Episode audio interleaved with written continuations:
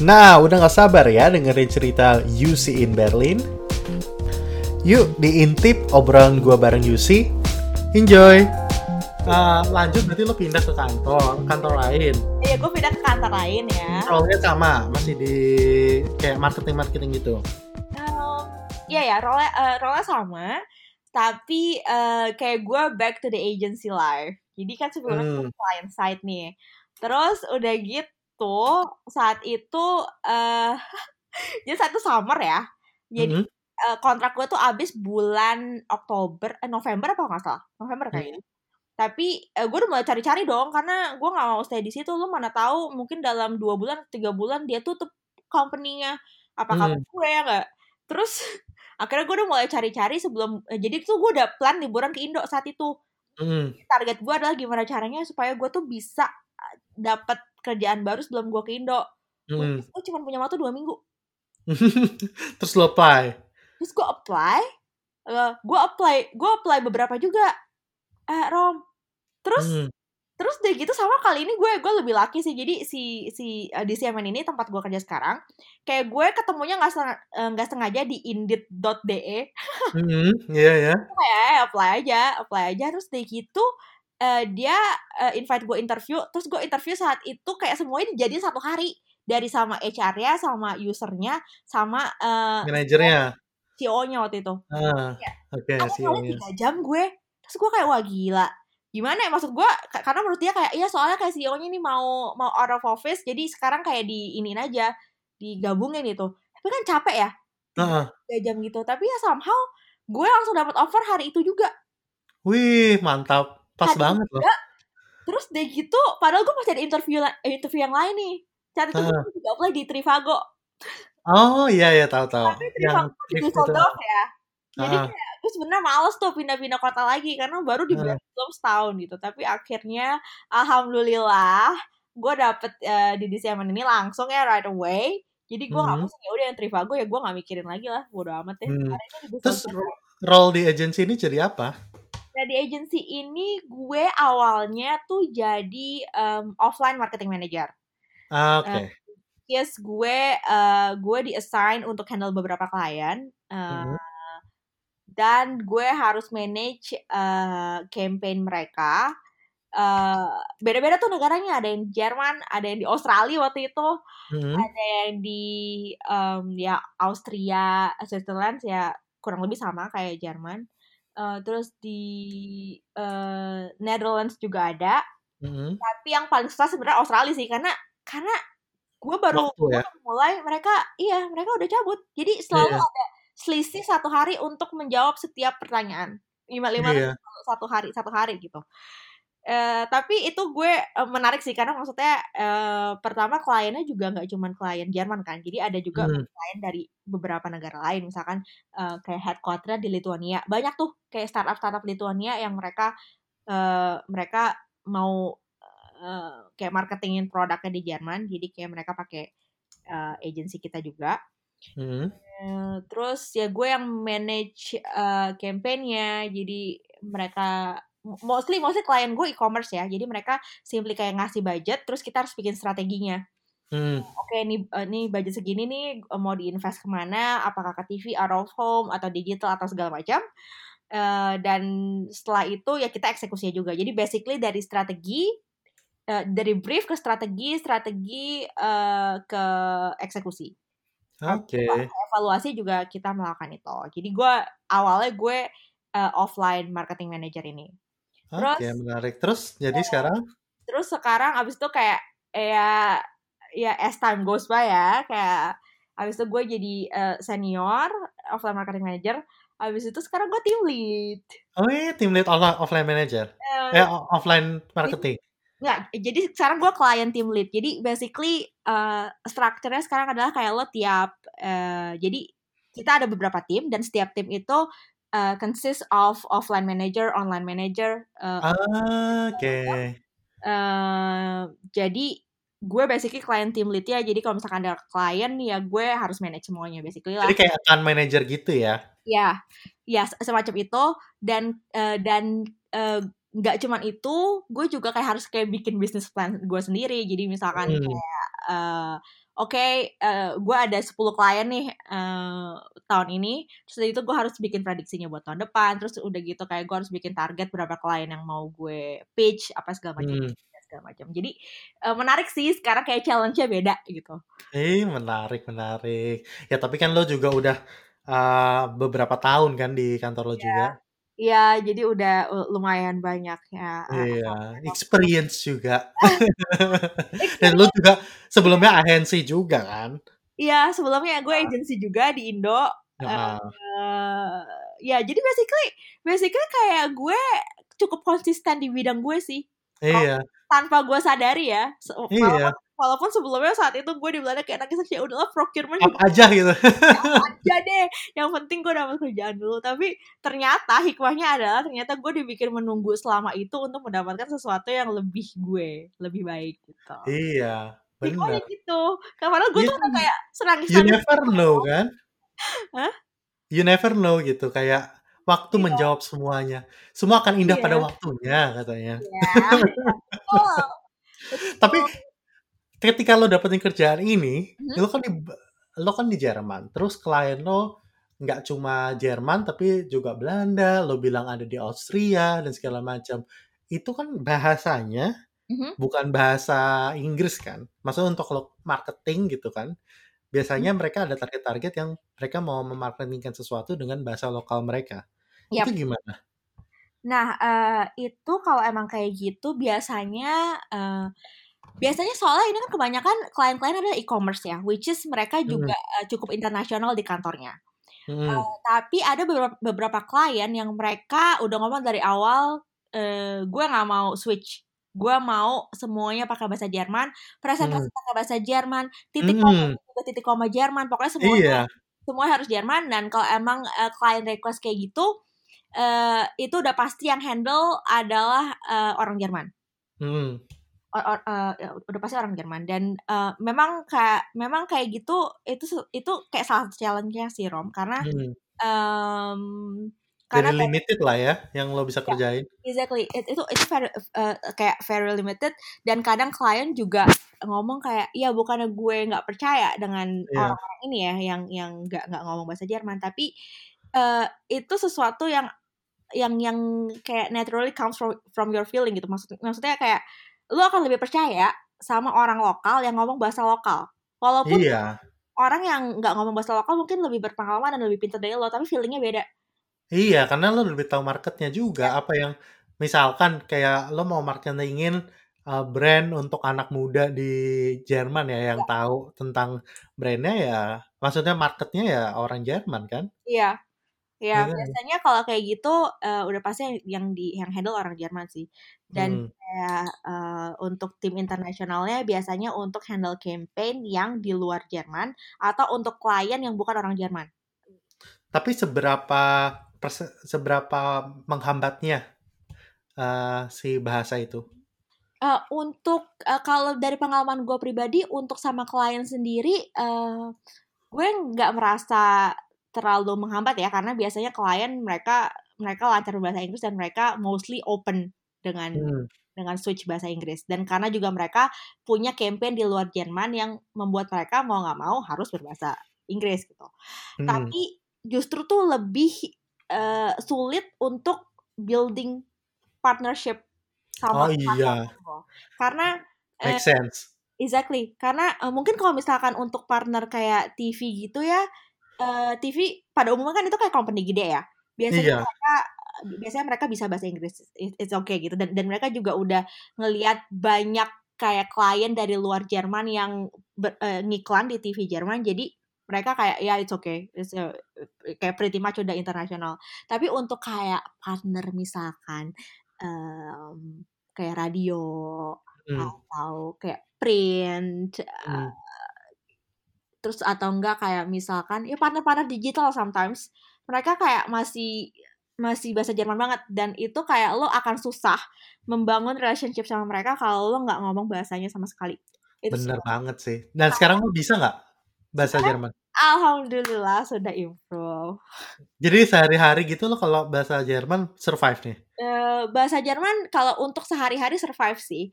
Uh, biasanya kalau sama partner gitu, uh, kalau via phone gitu, uh, gue biasa ngomong aja di awal kayak, eh uh, by the way kayak uh, gue gue gue bisa nih kayak ngomong Jerman tapi um, gue nggak gue nggak sefluent nggak sefluent kayak gue ngomong bahasa Inggris. Nah, hmm. uh, kalau bisa lo ngomongnya agak pelanan gitu. Terus mereka kayak open nih mereka, oh ya yeah, it's okay kayak kayak uh, kita bisa ngomong bahasa Jerman, uh, it works kok. Terus kadang kalau misalkan kayak gue ragu atau apa, gue ulangin lagi aja. Terus nanti hmm. mereka simply bilang, ah iya betul atau kayak kalau emang salah mereka akan menjelaskan lagi. Dan gue belajar di situ kayak ya udah yang penting lu tuh pede karena at the end um, orang appreciate kok kalau lo mau kalau lo mau ngomong bahasa Jerman gitu. Dan iya, betul itu, sih. Menurut gue mungkin kalau sama partner lebih saya kayak gitu karena kan kayak kita klien ya, tapi kalau sama klien ya sulit. Nah itu sama itu. klien mereka yang bayar.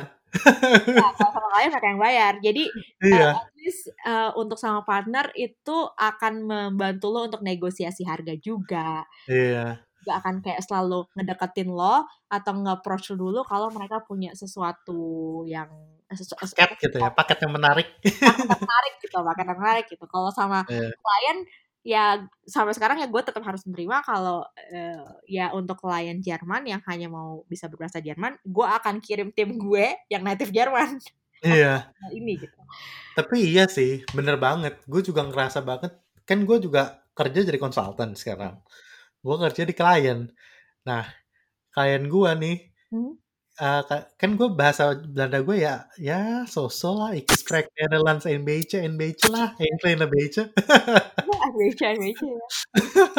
Jadi ya, maksudnya gue bisa mengerti sebagian, maksudnya kalau mereka ngomong lama, hmm? uh, ya ngomong ngomongnya lambat, gue bisa menangkap lah gitu. Hmm. Uh, tapi ketika gue ngobrol sama klien, gue jadi kayak nggak uh, enak juga kalau misalnya mereka harus uh, kayak ngobrolnya jadi terbata-bata karena gue gitu. Terus gue mikir kayak ah ya udahlah switch aja ke English atau misalnya kadang-kadang mereka nanya is it okay to speak in Netherlands? Speak in Dutch. Terus kayak oke okay, ya yeah, you can speak in Dutch but uh, I will reply in English. Gue kadang-kadang gitu uh, I'm not able yet to uh, reply in Dutch yeah. because it will take a lot of time just to structureize yeah. my sentence. gue bilang kayak. Yeah. Tapi at least lo udah mencoba sih Rom, karena menurut gue itu yang penting. Jadi kayak kalau Tapi gue gak pede sih. Gue, gue kalau sama klien gue harus present ya, itu juga gue gak pede walaupun gue internally gue latihan tuh. Jadi hmm. jadi gue uh, kalau misalkan ada meeting sama uh, anak kantor gue, uh, selama meetingnya itu bukan yang kayak hal serius banget ya yang masih bisa kita discuss pakai bahasa Jerman, gue latihan tuh pakai bahasa Jerman. Tapi hmm. ya for sure kalau misalkan kayak gue mau ngomongin hal yang susah soal angka, soal profit atau segala macam, ya gue prefer pakai bahasa Inggris karena takut ada misunderstanding kan. Hmm. Uh, terus dari gitu kayak gue menciptakan target sendiri, misalkan kayak oke okay, uh, gue uh, mau presentasi uh, kayak report ke klien pakai bahasa Jerman. Nah itu gue uh, do it internally, kayak gue nggak do it uh, externally sama klien, tapi gue latihan aja internally supaya gue tahu kalau misalkan one day gue akan melakukan itu, gue udah tahu bahasanya kayak gimana kata-katanya apa. Karena kan pasti beda tuh sama bahasa sehari-hari yang lo asal ceplos. Hmm. Lo harus ya semacam kayak bisnis German German business gitu loh. Hmm. Kayak English business gitu kan juga agak beda. Tapi lo ngambil les gak? gue ambil F ambil F ambil uh, ya gue gue um, pokoknya tahun pertama tuh gue sama sekali nggak belajar bahasa Jerman ya karena gue nggak tahu gue bakal lama atau nggak di Jerman tapi masalahnya di sini tuh nggak seopen di Belanda Rom mm-hmm. jadi tuh kalau lu nggak bisa bahasa Jerman even buat bahasa sehari-hari lu tuh agak sulit survive dan lu akan selalu bergantung pada orang lain untuk nelfonin bantuin nelfon atau kalau ada orang datang ke rumah ada yang rusak gitu hmm. rusak atau apa mereka nggak bisa bahasa Inggris dan they don't bother to to even try it gitu jadi hmm, ya okay. lo telepon mereka uh, lo nggak bisa bahasa Jerman ditutup sama mereka ah ya ya ya atau lo ke ke misalkan misalkan lo ke uh, apa tuh namanya Auslander Berhorn itu apa ya bahasa Inggrisnya kayak uh, imigrasi kantor imigrasi yeah. itu mereka bakal sebel kalau lu nggak bisa kalau lu nggak nggak bisa ngomong bahasa Jerman. Padahal menurut gue kayak uh, well ini imigrasi gitu ya. iya jadi tuh lu setiap kali ke sana pasti diceramahin dulu kayak oh lu tinggal di sini tapi kalau lu nggak bisa bahasa Jerman lu tahu kan kita di Jerman gitu Iya sih, kadang-kadang make sense sih. Maksudnya, gue juga pengen banget bisa loh bahasa Belanda. Cuma gue nggak pede gitu loh orangnya. Iya sih, gue sih kayak ka- karena gue banyak mendapat hinaan-hinaan seperti itu, gue jadi kayak oke fine, gue belajar kok. Iya. Itu karena tuh mereka judes-judes banget, Rom, asli.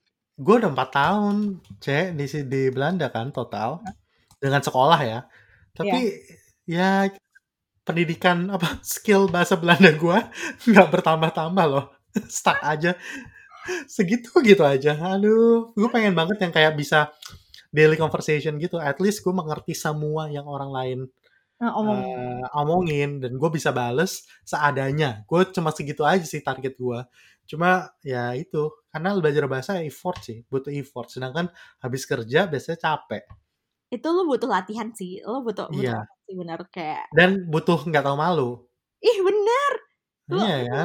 Tapi tapi menurut gue itu ada stage-nya, Rom. Jadi lu jangan don eh, I mean kayak you don't have to feel bad kalau lu ngerasa belum pede atau apa karena em, karena gue juga ada masa di mana kayak gue malu kan takut salah tapi di saat gue kayak udah next level di mana gue udah mulai bisa bikin kalimat dan gue Mhm. kayak ya udah gue kayak mengucapkan kalimat itu walaupun mungkin grammarnya nggak benar itu gue udah mulai ya udah nyerocos aja nanti orang biasanya teman gue ngebetulin ngebetulin oh ini tuh harusnya kayak gini tapi ya Mm-mm.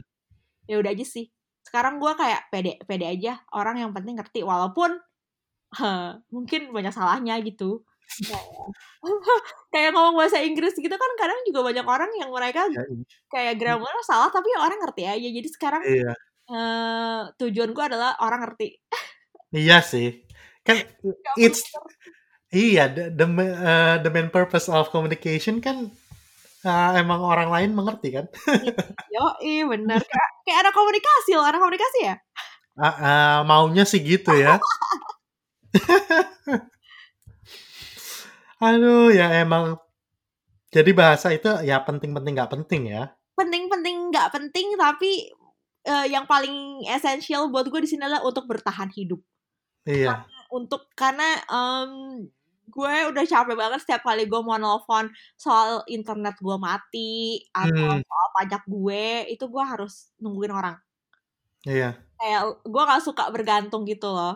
Dan iya. kayak ngerepotin orang kan, takutnya orangnya Hmm, juga kayak lagi sibuk atau apa, tapi harus nolongin gue. Jadi dari situ gue oke yang penting gue bisa survive kalau gue ada masalah apa gue bisa telepon dan gue kayak mengungkapkan apa masalahnya jadi gue nggak harus geret-geret orang nih eh lu ada waktu nggak nih Eh, iya.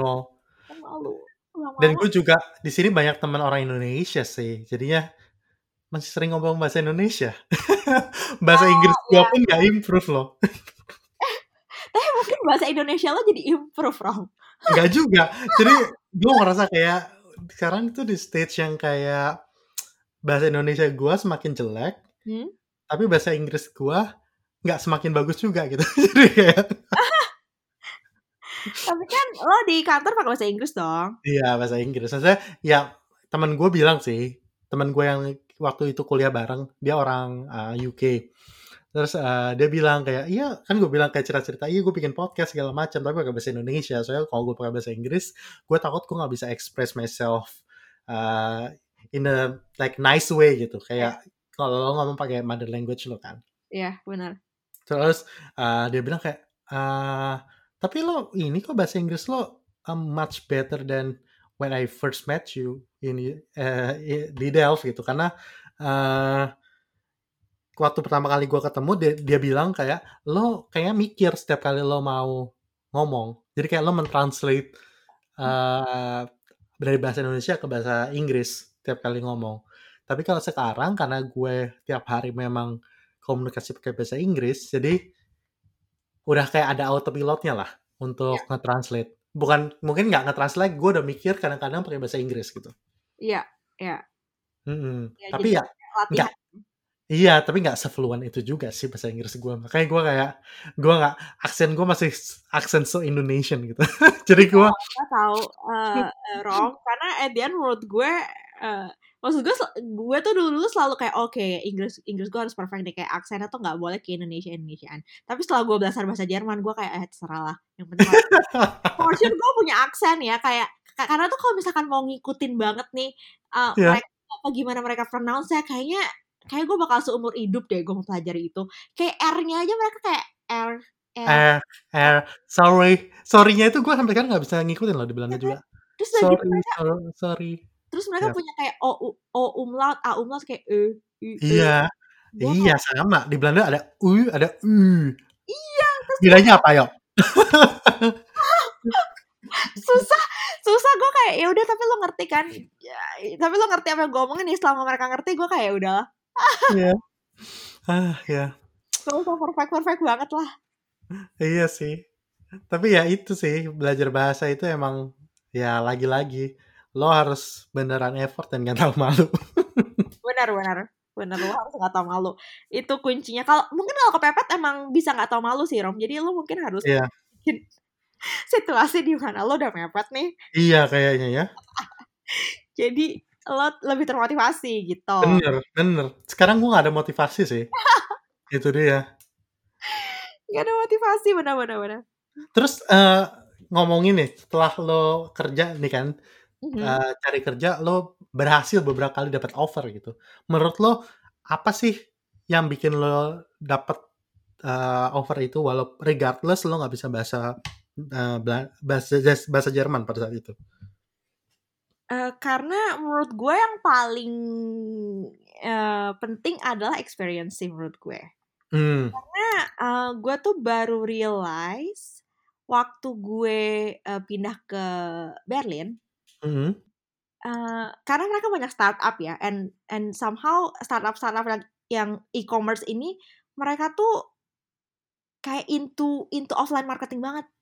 Jadi hmm. jadi mereka tetap tetap ya uh, tetap punya campaign digital marketing uh, tapi menurut mereka kayak offline tuh tetap berperan besar karena itu membawa membawa banyak banget uh, kayak visit atau download segala macam buat produk mereka dan hmm. saat itu karena background gue offline waktu gue di Indo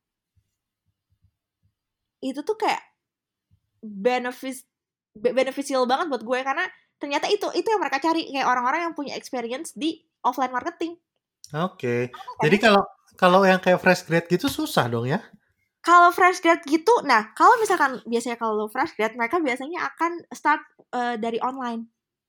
Ah, Oke. Okay. Soalnya online itu uh, banyak operasionalnya.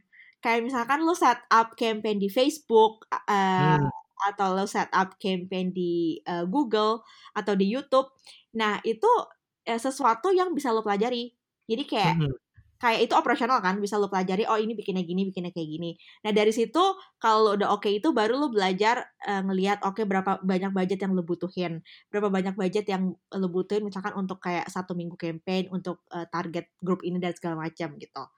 Hmm. Jadi biasanya uh, kayak gitu dan biasanya kan kalau online budgetnya juga nggak gede kan sedangkan kalau offline biasanya misalkan kayak TV gitu lu langsung dikasih kayak oke okay, ini berapa miliar nih buat campaign gitu. Mm. Dan kalau online biasanya kayak mungkin sepuluh ribu, dua puluh ribu, tiga puluh ribu gitu. Jadi eh, biasanya kalau lo belum ada experience, mereka akan ngasihnya di online karena secara budget juga belum banyak kan. Jadi kalau misalkan ada kesalahan atau apa, ya lo banyak itu kosnya ya. Banyak gitu, iya. Hmm. Jadi, iya, iya, gue pernah cerita kan uh, sebelumnya gue tanya-tanya ke lo ada nggak job opening di tempat lo karena ada waktu itu temen uh, temen gue yang di sini orang Indonesia juga cari kerja pakai Zukiar nggak dapet juga. Dia akhirnya pulang ke Indo sekarang. Oh gitu? Uh, dia dapat kerja di Bali. Terus dia uh, balik Indo. Pas sebelum balik Indo gue bilang kayak lo kenapa nggak coba aja cari-cari di kayak Berlin gitu atau uh, Jerman atau Belgia gitu.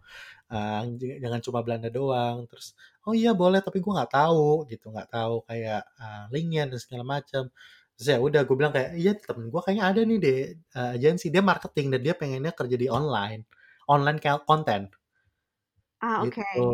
Jadi uh, gue bilang kayak ya nih gue tanyain dia ke teman gue makanya gue tanya ke lo kan Iya. kemarin terus ya makanya dan dia fresh grade gitu menurut gue ya uh, susahnya di situ karena belum punya experience uh, plus kayak nggak bisa bahasa lokal ya gitu terus gue juga mikir kayak ya kalau misalnya gue perusahaan nih terus ada yang daftar uh, yang satu bisa bahasa Jerman yang satu nggak bisa bahasa Jerman. Dengan kualitas yang sama sama, sama fresh grade. Ya gue pilih yang pakai yang bisa bahasa Jerman dong. Iya sih. karena lebih banyak lebih banyak bisa dipakainya gitu si orang ini untuk kerja di uh, beberapa klien. Dia kayak ini mau klien yang ini mau gitu kan. Sedangkan kalau misalnya lo cuma bisa bahasa Inggris sebagus apa pun bahasa Inggris lo tetap limited gitu. Dan kalaupun uh, bahasa misalnya nih orang nggak bisa bahasa Inggris dan bahasa Inggris bahasa keduanya. Ya mendingan gue hirean dari UK atau dari US dong. Uh, ya semua apalagi untuk konten. Ya itu make sense sih. Uh, itu make sense sih kalau untuk kontennya Iya, kalau mungkin kayak misalnya lo yang lebih ke arah eksekusi atau misalnya yang uh, strategi gitu, ya mungkin no doesn't really matter gitu. Ah ya oke okay. kalau emang Iya. mau konten tapi uh, itu tergantung sih maksudnya kalau misalkan emang dia spesifik cuma mau konten ya mungkin agak sulit tapi kalau emang orang open untuk uh, hal lain juga misalkan kayak ya Hmm. instead of konten mungkin gue akan lebih ke operational atau strateginya Hmm. itu uh, bisa sih uh, di di Berlin tuh banyak banget kayak gitu dan Oke. gue juga tadinya nggak nggak tahu rom gue tuh baru tahu setelah gue pindah ke Berlin ternyata demandnya tuh banyak banget. Karena karena banyak banget e-commerce di Berlin Uh-huh. dan mereka tuh uh, campaign gila-gilaan. Jadi both on, online and offline ya. Hmm. itu banyak banget uh, kayak foreigner. Jadi nggak nggak nggak cuman orang Jerman doang yang bekerja untuk e-commerce e-commerce ini untuk ke offline strateginya untuk digital strateginya. Dan uh, sebenarnya kalau soal uh, urusan mencari kerja yang menurut gue uh, itu pantang menyerah aja sih sebenarnya Iya. Bener sih, persisten. persisten karena saat itu gue uh, kan gue hitung tuh waktu gue dapat kerja akhirnya dapat kerja di di Berlin gue hitung berapa banyak aplikasi yang gue tulis Hmm. gue apply itu ada 70 70 Hmm. yang uh, 70 yang gue tulis uh, ini ya maksudnya beda-beda apa namanya Lo Taylor gitu ya, berdasarkan perusahaannya. Ah. Motivation letter kan lo harus selalu, selalu tulis tuh. Itu ada 70 Ah. yang gue tulis. Em, eh, terus deh gitu eh, itu belum termasuk kayak LinkedIn job search because eh, soalnya biasanya kalau kalau LinkedIn itu ada yang kayak khusus untuk cari job terus lo bisa kayak fast Easy apply. ya eh, easy apply. Ya exactly Ah. kayak easy apply gitu itu juga gue banyak. Jadi gue juga ada beberapa interview dari situ. Tapi tapi itu nggak dihitung lah ya. Untuk untuk yang gue tulis motivation letter itu 70 dari 70 gue dapet 10 Oke. 10 interview dari 10 interview gue dapet satu ya emang jodohnya di situ ya. ya jadi Tapi- harus konsisten aja sih menurut gue Iya, dan itu memang lo dapat sponsor dari perusahaan bisa? Eh, untuk- untuk visa Ah, ah. Iya. Oke. Sa- walaupun startup, mostly di sana bisa ya? D- karena karena visanya jadi saat itu yang gue kaget ya waktu itu kan gue harus apply visa buat eh eh, Jerman kan working visa Hmm. Jerman dan cuma 60 euro in Oke. compare tuh 600 euro buat Zukiar gue terus gue kayak hah 60 Tapi euro ini vis visanya lo yang visa yang apply itu Zukiar atau visa sponsor dari kantor? jadi waktu gue di Belanda itu kan gue apply Zukiar dulu makanya Iya, Zukiar.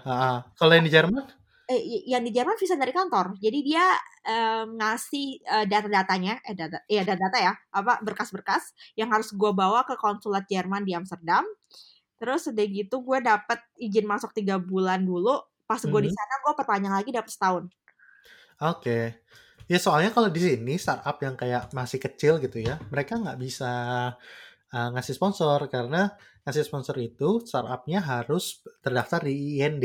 IND itu kayak apa ya? Uh, kantor pajak kali ya? Gue nggak tahu juga sih ini uh, bahasa Indonesianya apa tuh di IND. Terus yang di IND itu lo harus bayar 4000 untuk meregister diri lo masuk ke IND. So, kayaknya itu Uh, itu bener sih itu sama juga kayaknya di di di Jerman juga kayak gitu. Tapi mungkin kalau startupnya tergantung berapa orang. Karena waktu di tempat gue ini kayak kayak mereka bilangnya startup but it's no longer startup. Karena kayak udah ah ya. orangan ya. Uh, dan menurut gue kayak 100 orang mah ya. Ya udah udah lumayan gitu udah gede bukan gitu kan. kayak cuma tiga empat orang gitu. Soalnya yeah. kayak lo untuk hire uh, foreigner lo tuh harus bayar iya. gitu. Emang. Iya benar. Dan lo harus harus ngasih ngasih kayak surat gitu setahu gue kalau di Belanda itu kayak kenapa lo nggak hire foreigner instead of ya. local? Nah itu itu tuh uh, orang-orang HR sini biasanya mereka udah tahu triknya. Jadi iya. jadi um, jadi mereka akan mencantumkan di suratnya kenapa lo meng-hire orang ini instead of orang Jerman atau orang dari EU nah emang. jadi gue juga gitu jadi walaupun walaupun mungkin uh, mungkin kayak lo ngurusin market Jerman doang atau market Eropa doang, mereka akan bilang di situ kayak ya ini untuk ngurusin market internasional. Ah, oke. Okay. Gitu. Kayak gue rasa mereka udah punya triknya sih sampai sampai. Iya, kayak kayak gitu juga sih. Karena gue waktu itu gak ditanya apa-apa ya udah masuk masuk aja. gue juga, ya gue termasuk agak beruntung juga sih waktu itu. Jadi gue gak ribet sih waktu masuk. Iya. Jadi mm -hmm. ini antara antara usaha dan hoki juga ya. Rom. Emang. Itu emang harus kombinasi sih. Dan juga uh -uh, dan juga hoki itu kayak gue waktu itu pernah dapat kayak quote yang menarik sih. Eh. jadi luck itu sebenarnya kata dia nih kata si filosofer ini luck itu adalah residu dari kerja keras lo. Ya. Jadi ya, benar iya. Jadi ketika lo bilang lo beruntung ya ya itu karena lo udah bekerja keras dan ada momennya timingnya pas dan segala macem ya lo dapat tuh jadinya kayak klop gitu. Itu juga yang dibilang sama bokap gue kayak dia bilang ya orang tuh baru ngomong wah hoki lo. Itu setelah lo dapet. Setelah lo iya. sampai tujuan lo gitu. Padahal uh, mereka nggak tahu sebelum tujuan lo tercapai itu kayak lo lo struggle banget kayak lo udah udah kayak nangis darah uh, keringet sampai ke pantat-pantat ya nggak sih? Lo lo kerja keras gitu ya sampai keringet iya. dari dari dari jidat turun turun ke pantat gitu kalau kalau bahasanya. Uh, bokap gue kayak ah udah kayak gitu aja. Pas lo berhasil baru orang bilang wah hoki lo. Iya. Tapi ya itu juga sih karena kayak gue kan dapat kerja termasuk hoki gitu ya. Kayak yang gue dapat kerjaan sekarang itu sebelum gue lulus. Jadi gue dikontak sama salah satu senior manager di perusahaan gue yang sekarang. Kayak eh gue tertarik dengan profile lo pakai bahasa Belanda. Hmm. gue tertarik dengan profile lo lo mau nggak uh, coba untuk uh, apply di posisi ini? Gitu. Terus gue bilang ya why not? Gitu kan. Uh, karena gue pengen coba juga uh, as a consultant gitu dari zaman dulu. Terus pas gue coba gue balas pakai bahasa Belanda juga yang dari Google Translate dong. Terus tapi gue bilang sih pas itu gue pakai bahasa Belanda tapi gue bilang kayak uh, ik spreek een beetje gue bilang gitu kayak gue gue kalau misalnya untuk bisnis dan komunikasi se uh, kayak sehari-hari dan segala macam gue nggak sanggup untuk ngomong bahasa Belanda terus-terusan gue bilang gitu. Terus dia langsung reply pakai bahasa Inggris lagi oh nggak apa-apa kok gitu. Oh nggak apa-apa gitu. Uh, lo kalau masih mau uh, kita serap interview bilang gitu. Terus oh ya udah gitu. Gue langsung dikontak sama HR-nya dan segala macam proses. Jadi gue lulus Agustus gue dapat kerjaan itu sebenarnya dari Juni. Atau Mei gitu bahkan. Jadi gue udah mulai dari April uh, proses hiring itu. Dan itu lewat LinkedIn loh. Ah ya, ya menurut gue LinkedIn itu salah satu uh, media yang paling gampang buat lo untuk dapat kerja. Betul. Iya sih, terus lewat itu terus dapat interview interview interview lolos. Terus ya udah gitu. Terus gue gue bilang ke teman gue, ya gue termasuk kasus yang hoki sih gue bilang gitu kan. Ya, terus temen gue bilang, kan. Iya, terus temen gue bilang kayak sebenarnya lo nggak hoki juga sih karena hoki lo ini lo dapet karena lo dari dulu emang lo uh, berjuang untuk kayak mengumpulkan experience gitu. Karena gue emang orangnya suka kayak ikutan uh, internship hmm. di mana orang-orang lain kayak lebih memilih untuk liburan jalan-jalan ke Eropa. Gue hmm. lebih memilih internship karena gue lebih suka kayak gitu. Hmm. Hmm. Terus gue lebih kayak gue itu udah banyak yang uh, gue apply gitu kayak internship segala macam dan gue udah punya working experience sebelumnya terus temen gue bilang ya itu nggak hoki sih sebenarnya hoki lo itu tercipta ya karena lo udah berjuang juga sebelumnya jadi lo udah mendapatkan posisi lo saat ini jadi makanya lo dikontak gitu jadi hoki lo itu hasil dari kerja keras juga sebenarnya iya tapi kayak iya juga ya gitu itu kayak ini juga kayak uh, dulu tuh adek gue sering ngecengin gue kalau gue diterima di UI itu kan hoki Oh. dulu kan uh, pokoknya uh, dulu tuh gue ikut SPMB. Jadi uh. gue tuh gak ikut simak atau apa pun pokoknya SPMB aja yang kayak saingannya seluruh Indonesia kan. Mm. Terus uh, gue tuh emang pengen masuk UI, jadi tuh dulu gue ikut BTA.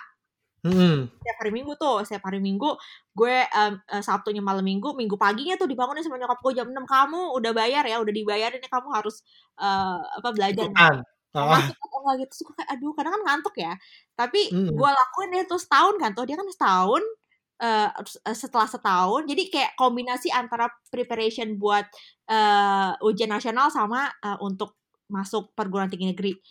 Nah hmm. jadi gue setahun gue jalanin tiap hari minggu abis itu setelah ujian nasional ada kayak intensif satu bulan untuk untuk masuk perguruan tinggi negeri. Tapi hmm.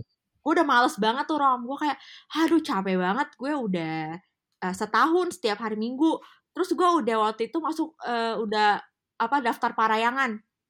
Bandung Unpar. Gue kayak ya udahlah di Unpar aja gue udah nggak ambil. itu mm-hmm. uh, jadi gue jual tuh jadi slot intensif gue gue jual kan banyak yang mau ya mm-hmm. karena karena uh, mungkin mereka biasanya nggak nggak nggak daftar dari uh, paketan setahun jadi baru mau sebulan doang abis terus gue jual aja ke teman gue waktu itu ya udah nih nih lo beli aja ini gue gue jual berapa juta kalau nggak salah hmm. lumayan kan buat jajan bisnis terus kayak gitu tapi tetap gue uh, ikut SPMB gue tetap hmm. ikut SPMB eh ya nanggung ya udah kepala tanggung semua orang ikut gue ikut terus pas hari pengumuman gak gue lihat oh. karena karena menurut gue ah kayak enggak lah kayak eh, kayaknya masih banyak orang yang lebih pintar dari gue yang lebih prepare dari gue sedangkan gue saat itu kayak nothing tulus aja karena gue udah dapet kampus lain mm. terus jadi saat itu gue janjian sama temen gue mau uh, dinner atau apa terus temen gue bilang bentar ya uh, ini gue apa nggak boleh pergi sama bokap gue sebelum ngelihat hasil pengumuman. Mm. terus gue udah gue udah di tempat tuh nungguin dia gue kayak ya udah deh. Terus gak lama gue telepon telepon dia lagi eh uh, nak coba deh uh, lo cekin nomor gue segini ada nggak? Terus dia bilang hmm. ada. Oh iya? Terus gue bilang wah bohong. Terus bilang ada nih nomor lo segini segini segini untuk jurusan segini segini segini. Jadi jurusannya tuh pakai angka. Jadi gue nggak tahu gue masuknya saat itu tuh gue uh, gue daftar buat pilihan pertama komunikasi pilihan kedua hukum. Eh psikologi. Uh. apa apa gitu. Psikologi kayaknya. Kayaknya uh, komunikasi psikologi. Terus gue sampai ke warnet. Dulu zamannya warnet ya. Jadi hp yeah. gue sampai gue belum belum ada ininya. Dan waktu itu gue posisi di Sarinah nih. Terus gue oke okay, Sarinah loh. Sekarang udah udah tutup. Sekarang udah tutup. Sarinah McD Ke Sarinah kan udah tutup kan? Iya bener. Di McD Sarinah gue kayak hah serius ada? Terus ya udah gue nyari um, nyari internet terus ternyata bener loh ada nomor gue. Jurusannya komunikasi. Terus udah gitu gue kayak nggak percaya gue nggak percaya sih. Terus kayak sejak itu adek gue selalu ngecengin gue kalau gue tuh hoki. Terus bokap gue lah bilang gue itu mah bukan hoki. Dia kan dia udah belajar selama setahun eh, apa BTA setiap hari minggu itu kan usaha ya nggak Rom. Walaupun hmm. gak intensif gitu. Terus, iya. terus gue pikir kan bener juga ya. Iya. Iya. belajar bukan karena gue hoki. Ya mungkin hoki juga tapi ya, ada... belajar. Iya, maksudnya ya kadang-kadang juga ada hoki yang emang literally hoki gitu yang kayak misalnya ya, tapi kayak misalnya lo undian aja lo harus beli sesuatu, lo harus ada effortnya lo. Ih, benar, benar. Iya kan? Benar sih, benar.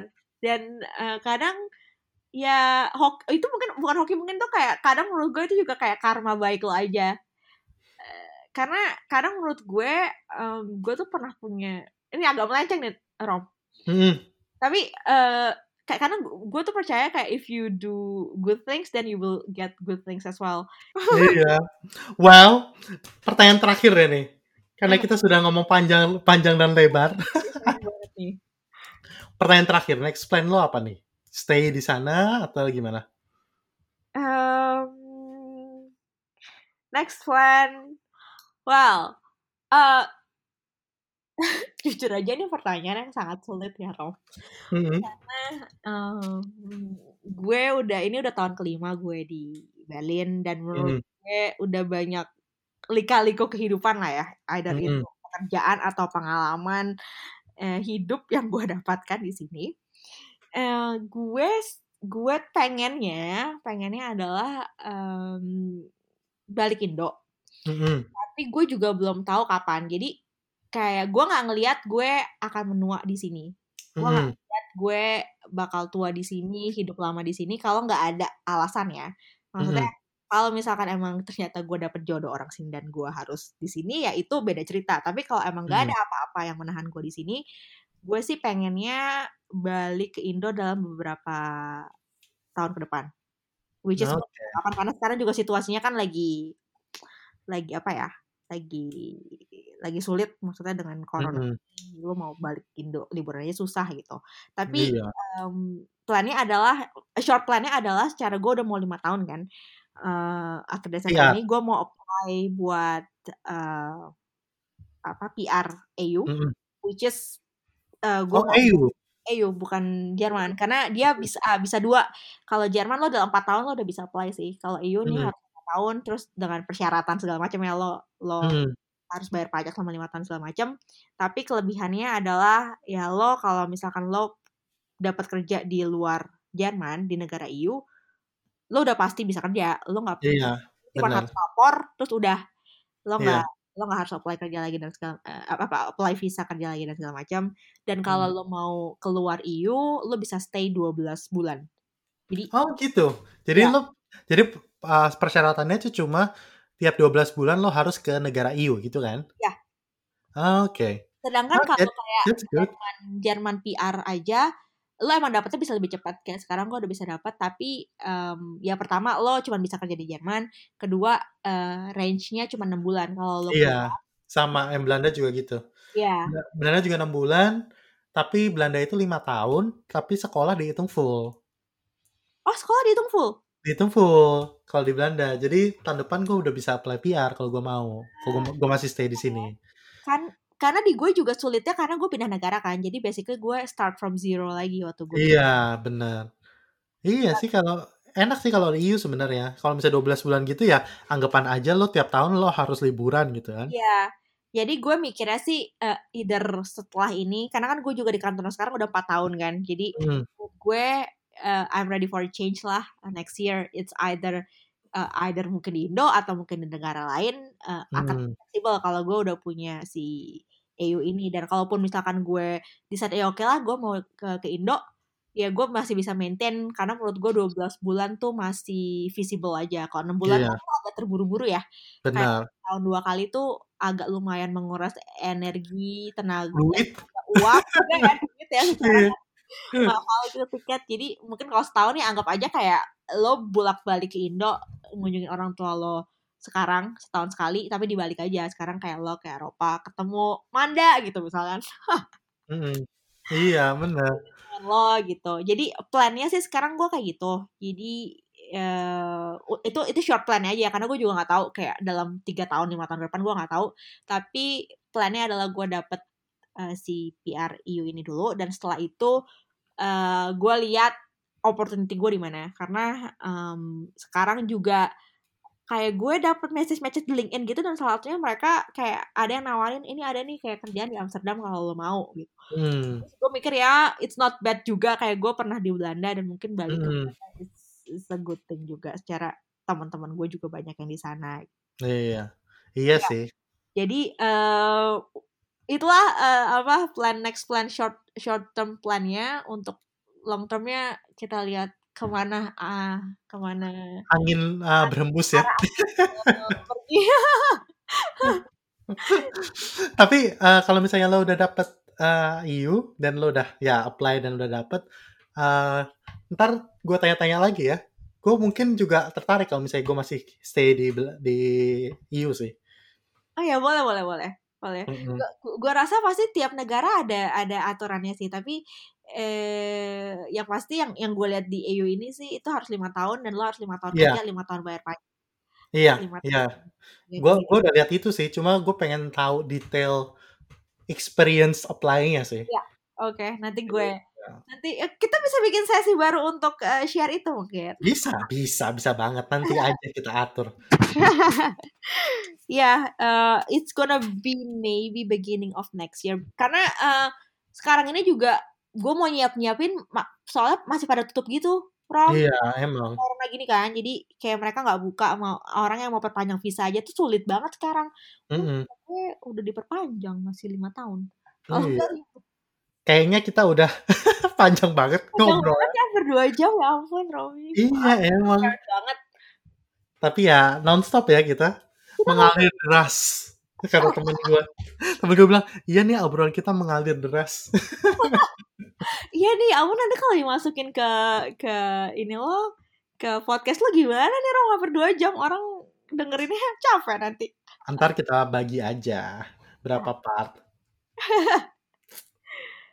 Aduh, Oke. seru Ntar kalau banget, seru banget. iya, ntar kalau misalnya lu uh, udah di post, gue bakalan kabarin ya. Oke. Oke, thank you banget ya, Cek. Thank you banget. Ntar kita ngobrol-ngobrol lagi ya. Iya. Dadah. Dadah. Selamat malam. Malam.